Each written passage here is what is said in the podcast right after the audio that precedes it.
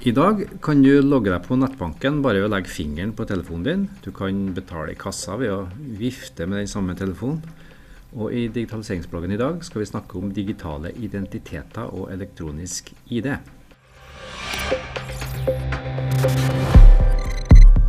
Takk for at du hører på. Uh, uten at vi tenker mye over det, så må du og jeg ganske ofte, kanskje flere ganger om dagen, bekrefte hvem vi er. Vi viser fram vår identitet, ID. Det kan være om du skal hente medisin på apoteket, du skal ut og reise, du skal betale regningene dine, logge på Facebook, eller du skal lese lokalavisa di på nett, for den del. En mann som kan mye om digitale identiteter og elektronisk identifikasjon, heter Tor Alvik og er fagdirektør i Digitaliseringsdirektoratet. Velkommen. Tusen takk for det. Du, vi skal dykke ned i digitaliseringen på dette feltet, men først kan du si litt om uh, hva en identitet er for noe, og hvorfor er det viktig for oss som innbyggere og enkeltmennesker? Ja, det er kanskje noe ikke en tenker så mye på i hverdagen. Men en identitet er en helt grunnleggende menneskerett. For F.eks. så sier også bærekraftmålene at en identitet er noe som man må ha for å kunne fungere i samfunnet. Dessverre er det sånn at det er over en milliard som faktisk ikke har det i verden i dag. Har du ikke det, så er du utsatt for misbruk, du kan være utsatt for trafficking, du mister rettigheter og har ikke en stemme i samfunnet. Så her er vi heldige i Norge. Mm. Men er det også folk i Norge som mangler ID? Ja, det er noen. Eh, særlig de som eh, kommer her altså, til landet og kanskje ikke får en avklart asylsituasjon. Mm. Og andre som nok har en identitet, men ikke kan skaffe seg det de trenger for å bevise den. Men i Norge så har vi vel egentlig god oversikt, og det er vel ikke bare fordi vi er et lite land med relativt få innbyggere? Nei, det er vi ikke. I Norge har vi en lang tradisjon for å eh, ta vare på eh, informasjon om innbyggerne våre og knytte identiteten til opplysning i, i viktige register som eh, Folkeregisteret. Her er Norge og de nordiske landene i en særstilling. Eh, vi har alle sammen et digitalt navn, et fødselsnummer, mm. som eh, vi kan knytte identiteten din til. Og det er en veldig viktig brikke i at det samfunnet vårt faktisk fungerer så godt digitalt som det gjør. Mm. Så du kan si at kvaliteten på det her basisregisteret, eh, folkeregisteret som vi snakker om nå, det er ganske viktig? Det er veldig viktig. Og også den prosessen vi gjør før du havner i folkeregisteret, den innrulleringsprosessen som skjer når du blir født mm. eller immigrerer til Norge, mm. og at vi der registrerer deg entydig og én en gang, en, en veldig viktig faktor. Mm. Og her gjøres mye godt arbeid f.eks. av skatteetaten. Ja, okay. Men som jeg sa i innledninga, så, så, viser vi jo fram eh, vår ID på mange måter, egentlig ganske ofte. Ja, det gjør du jo. Og, og kanskje har du mange ID-er som du ikke mm. tenker så mye på. Noen er det staten som står bak, mens andre har du f.eks.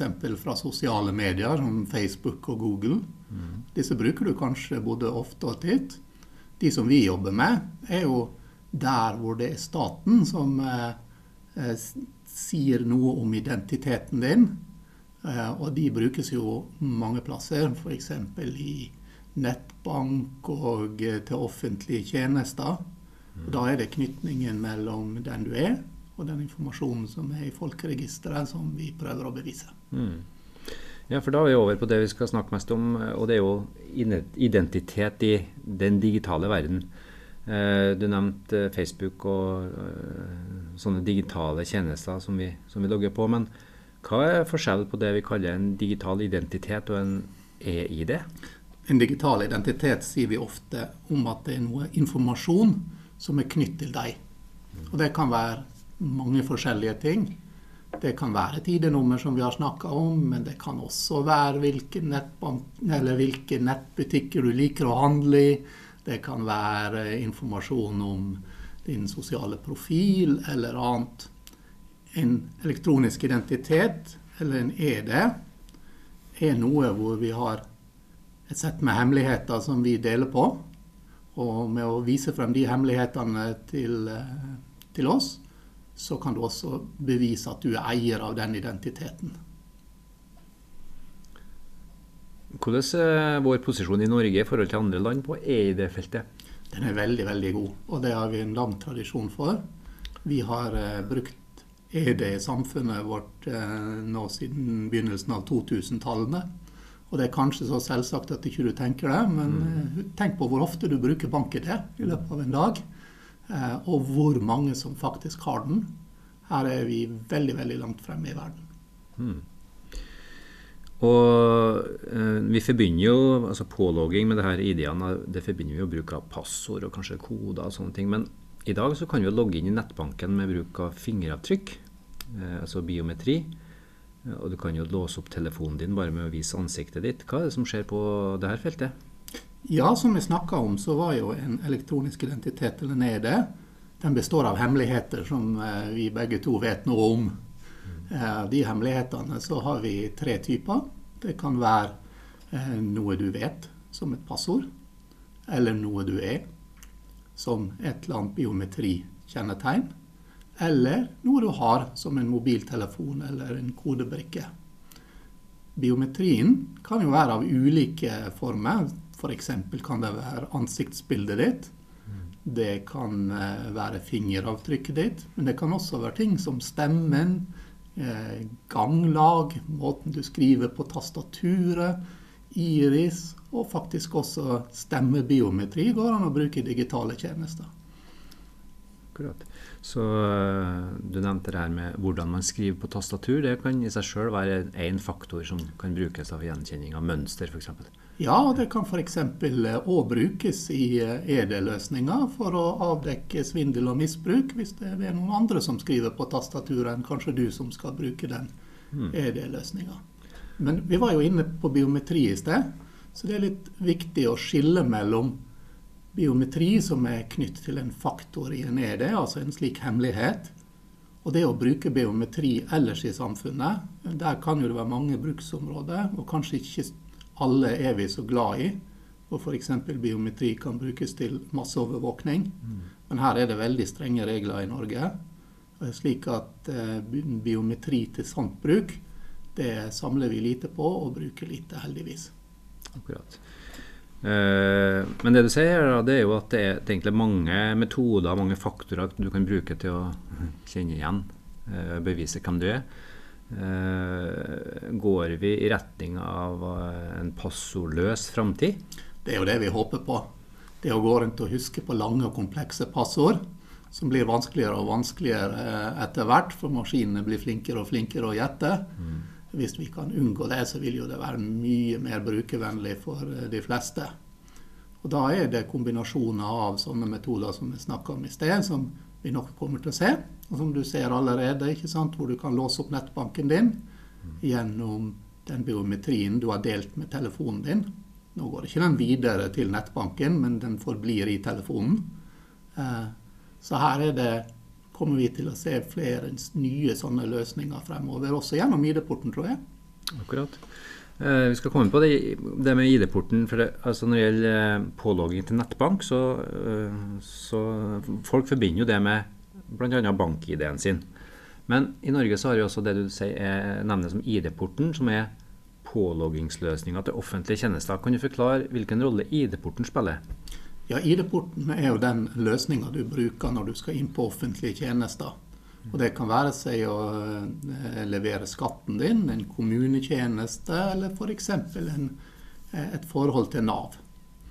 Eh, ID-porten er en løsning som for deg som bruker, tar vare på to ting. For det første er det det som vi kaller for et tillitsnav. Når du ser ID-porten, så kan du være trygg på at det er en tjeneste fra det offentlige du snakker med, og sikkerheten tas vare på gjennom ID-portsystemet. Men også så skjuler ID-porten din bruk av offentlige tjenester for ED-leverandører som BankID. Så det betyr at f.eks. kan bankvesenet aldri se hvilke offentlige tjenester du har vært inne på. Den informasjonen forlater aldri ID-porten. Kan vi bruke ID-porten mot eh, tjenester i utlandet i dag? Ja, hvis vi skal få til det, så må jo den norske ID-en også kunne brukes av tjenesteleverandører i utlandet, som vi kaller det. Vil si kanskje det spanske versjonen av skatteetaten. Mm. Det jobber vi med. Og tilrettelegge for slik bruk, så jobber vi sammen med EU og Norden. Og også bruken av norske eder, slik at vi kobler det sammen i et internasjonalt nettverk. Og ikke bare for norske offentlige tjenester, slik det er i dag. Um, Her bruker vi både lov, eh, som er felles for EU, men også felles tekniske løsninger. Eh, En del av disse løsningene er på plass. Vi jobber tett med Norden, som er de viktigste landene eh, for de fleste brukerne i Norge. Og i perioden fremover så håper vi at du skal kunne bruke dette mer og mer gjennom ID-porten. Mm. Eh, Har du noen eksempler på bruksområder eh, som på en måte eh, folk i, i ett land kan ha interesse av å bruke sin ID for å nå tjenester i andre land? ja, det er jo litt avhengig av hvor du er i livet. Mm. F.eks. hvis du vil begynne å studere i et annet land, så Mm. kan en sånn tjeneste være veldig nyttig. Har du fått medisinsk hjelp f.eks., så kan det hende at du vil inn i en portal som Helse Norge eh, og se informasjonen etter behandlingen du hadde der. Du skal kanskje betale skatt i flere land. Du kan ha pensjonsrettigheter som du kan ønske deg å se og logge inn på.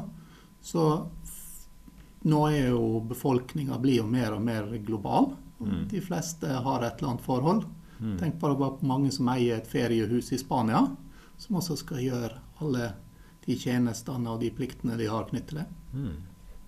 Så er det noe som heter elektronisk signatur. Hva er forskjellen på det og e-ID? Ja, det kan være litt vanskelig å se i uh, daglig bruk. Mens en ED brukes for at du beviser din identitet, så bruker vi gjerne elektronisk signatur for å knytte deg til et eller annet digitalt dokument eller annen data. Og for å gjøre det så brukes avansert matematikk, kryptografi. Eh, Det trenger du ikke å tenke så mye på, for det skjer i bakkanten. Det var godt. og elektronisk signatur, det, det bruker vi også ganske ofte. Kanskje oftere enn vi tenker over. Ja, eh, hver gang du har eh, inngått en låneavtale i banken, har du brukt en elektronisk signatur. Det samme har du gjort når du har forholdt deg til eh, Lånekassa, kanskje. Statens pensjonskasse. Mm. Hvis du har kjøpt eller solgt en bil, så har du brukt dette. Og Det som er viktig når du blir bedt om å signere, er at du eh, leser godt den informasjonen som du signerer på. For dette er jo en avtale som du inngår på samme måten som du signerer på for hånd, og vil være like bindende for deg. Eh, Så tenk gjennom hva du gjør når du gjør det. Men ser du bort fra det, så er det en veldig brukervennlig måte da, å kunne gjøre de avtalene man trenger å gjøre, uten å måtte møte opp et sted med alt det innebærer. Litt tilbake til elektroniske ID-er. Eh, vil de være helt trygge og sikre, eller kan, er det, det ID-er som kan, kan misbrukes på noen måte? Det legges veldig stor vekt på at disse løsningene skal være trygge og sikre. Vi har sterke krav til de ID-ene vi bruker. Erfaringen vår viser at den største sårbarheten det er brukerens egen oppførsel. Så tenk på når du har ID-en din hjemme, ta vare på eh, PIN-koder, passord, kodebrikker, og ikke del dem med andre. Det finnes løsninger hvis andre trenger å bruke eh, tjenester på dine vegne. Bruk det. Og da kan du være sikker på at eh, ID-en din er knytt bare til deg dersom du passer på disse hemmelighetene. Og da unngår du svindel og misbruk. Vi må også snakke om eh, situasjonen vi befinner oss i nå, eh, gjerne kalt koronakrisen. Eh, det var noen som sa at hvis denne krisen har inntruffet for 20 år siden, så har vi ikke kunnet håndtere det på samme måte som vi kan gjøre i dag, takket være digitale løsninger. Og da er vel elektronisk ID ekstra viktig. Altså Vi ser vel at det er ekstra viktig i disse tider. Mm. Her i direktoratet har jo vi vært involvert i flere løsninger i det siste. Så har vi som jobber med ID-løsninger, også Altinn-gjengen hos oss har jo jobbet med kontantstøtte for bedrifter siste perioden. Eh, Vi har laga flere skjema i Altinn. Vi har laget eh, selvrapporteringsløsninger også for koronasymptom. Alle disse løsningene de forutsetter at vi kan vite hvem vi snakker med, så du må logge deg inn. Ellers så vet jo vi ikke hvem vi skal sende pengene til, eller hvem som rapporterer inn informasjonen. Så er det en helt sånn grunnleggende del av et digitalt samfunn. Så oppdaga vi også nå at når vi gikk inn i denne fasen, så var jo det flere som hadde problemer med den type løsninger som vi har. Det var mange utenlandske statsborgere som jobba i Norge, som måtte reise hjem til hjemlandet sitt i hyrten og styrten. Da hadde de ikke med seg ED. Og får nå problemer når de f.eks. skal levere meldekort på Nav eller bruke andre slike tjenester. Eh, og Det har vi jobba med for å se hva vi kan gjøre noe med. Og Da har vi begynt å bruke nye metoder hvor vi bruker digital ID-kontroll istedenfor at du trenger å møte opp på et kontor for å få en ED. Eh, da kan vi dele ut alt du trenger å bruke, uten at du må forlate hjemmet ditt. Det at du leser passet ditt på en mobiltelefon, og så bruker vi maskinlæring for å eh, gjenkjenne identiteten din gjennom kameraet på telefonen. Det blir eh, en spennende og ny løsning som vi heldigvis kan hjelpe Nav og brukerne med fremover. Det er en løsning som er like rundt hjørnet? Ja, det håper vi bare er noen dager unna. Mm. Så her må vi jobbe fort, for eh, dette er jo behov som er nå. Bra. Vi skal gå inn for landing. Uh, og Som første år så er Norge langt framme på dette feltet. Men uh, du var vel så vidt inne på det i stad, men hvilke andre land jobber vi særlig med for å fremme og, og finne gode løsninger på tvers av landegrensene? Ja, Særlig så jobber vi tett med Norden. Og som vi var inne på innledningsvis, så er jo digital identitet er jo nært knytt til eh, folkeregisteret og den gode informasjonen som vi har i Norge. Det har vi også i de nordiske landene, og vi er veldig like for hvordan vi kan jobbe sammen. Det er også veldig viktige land for våre brukere at vi finner gode løsninger på hvordan vi jobber i Norden.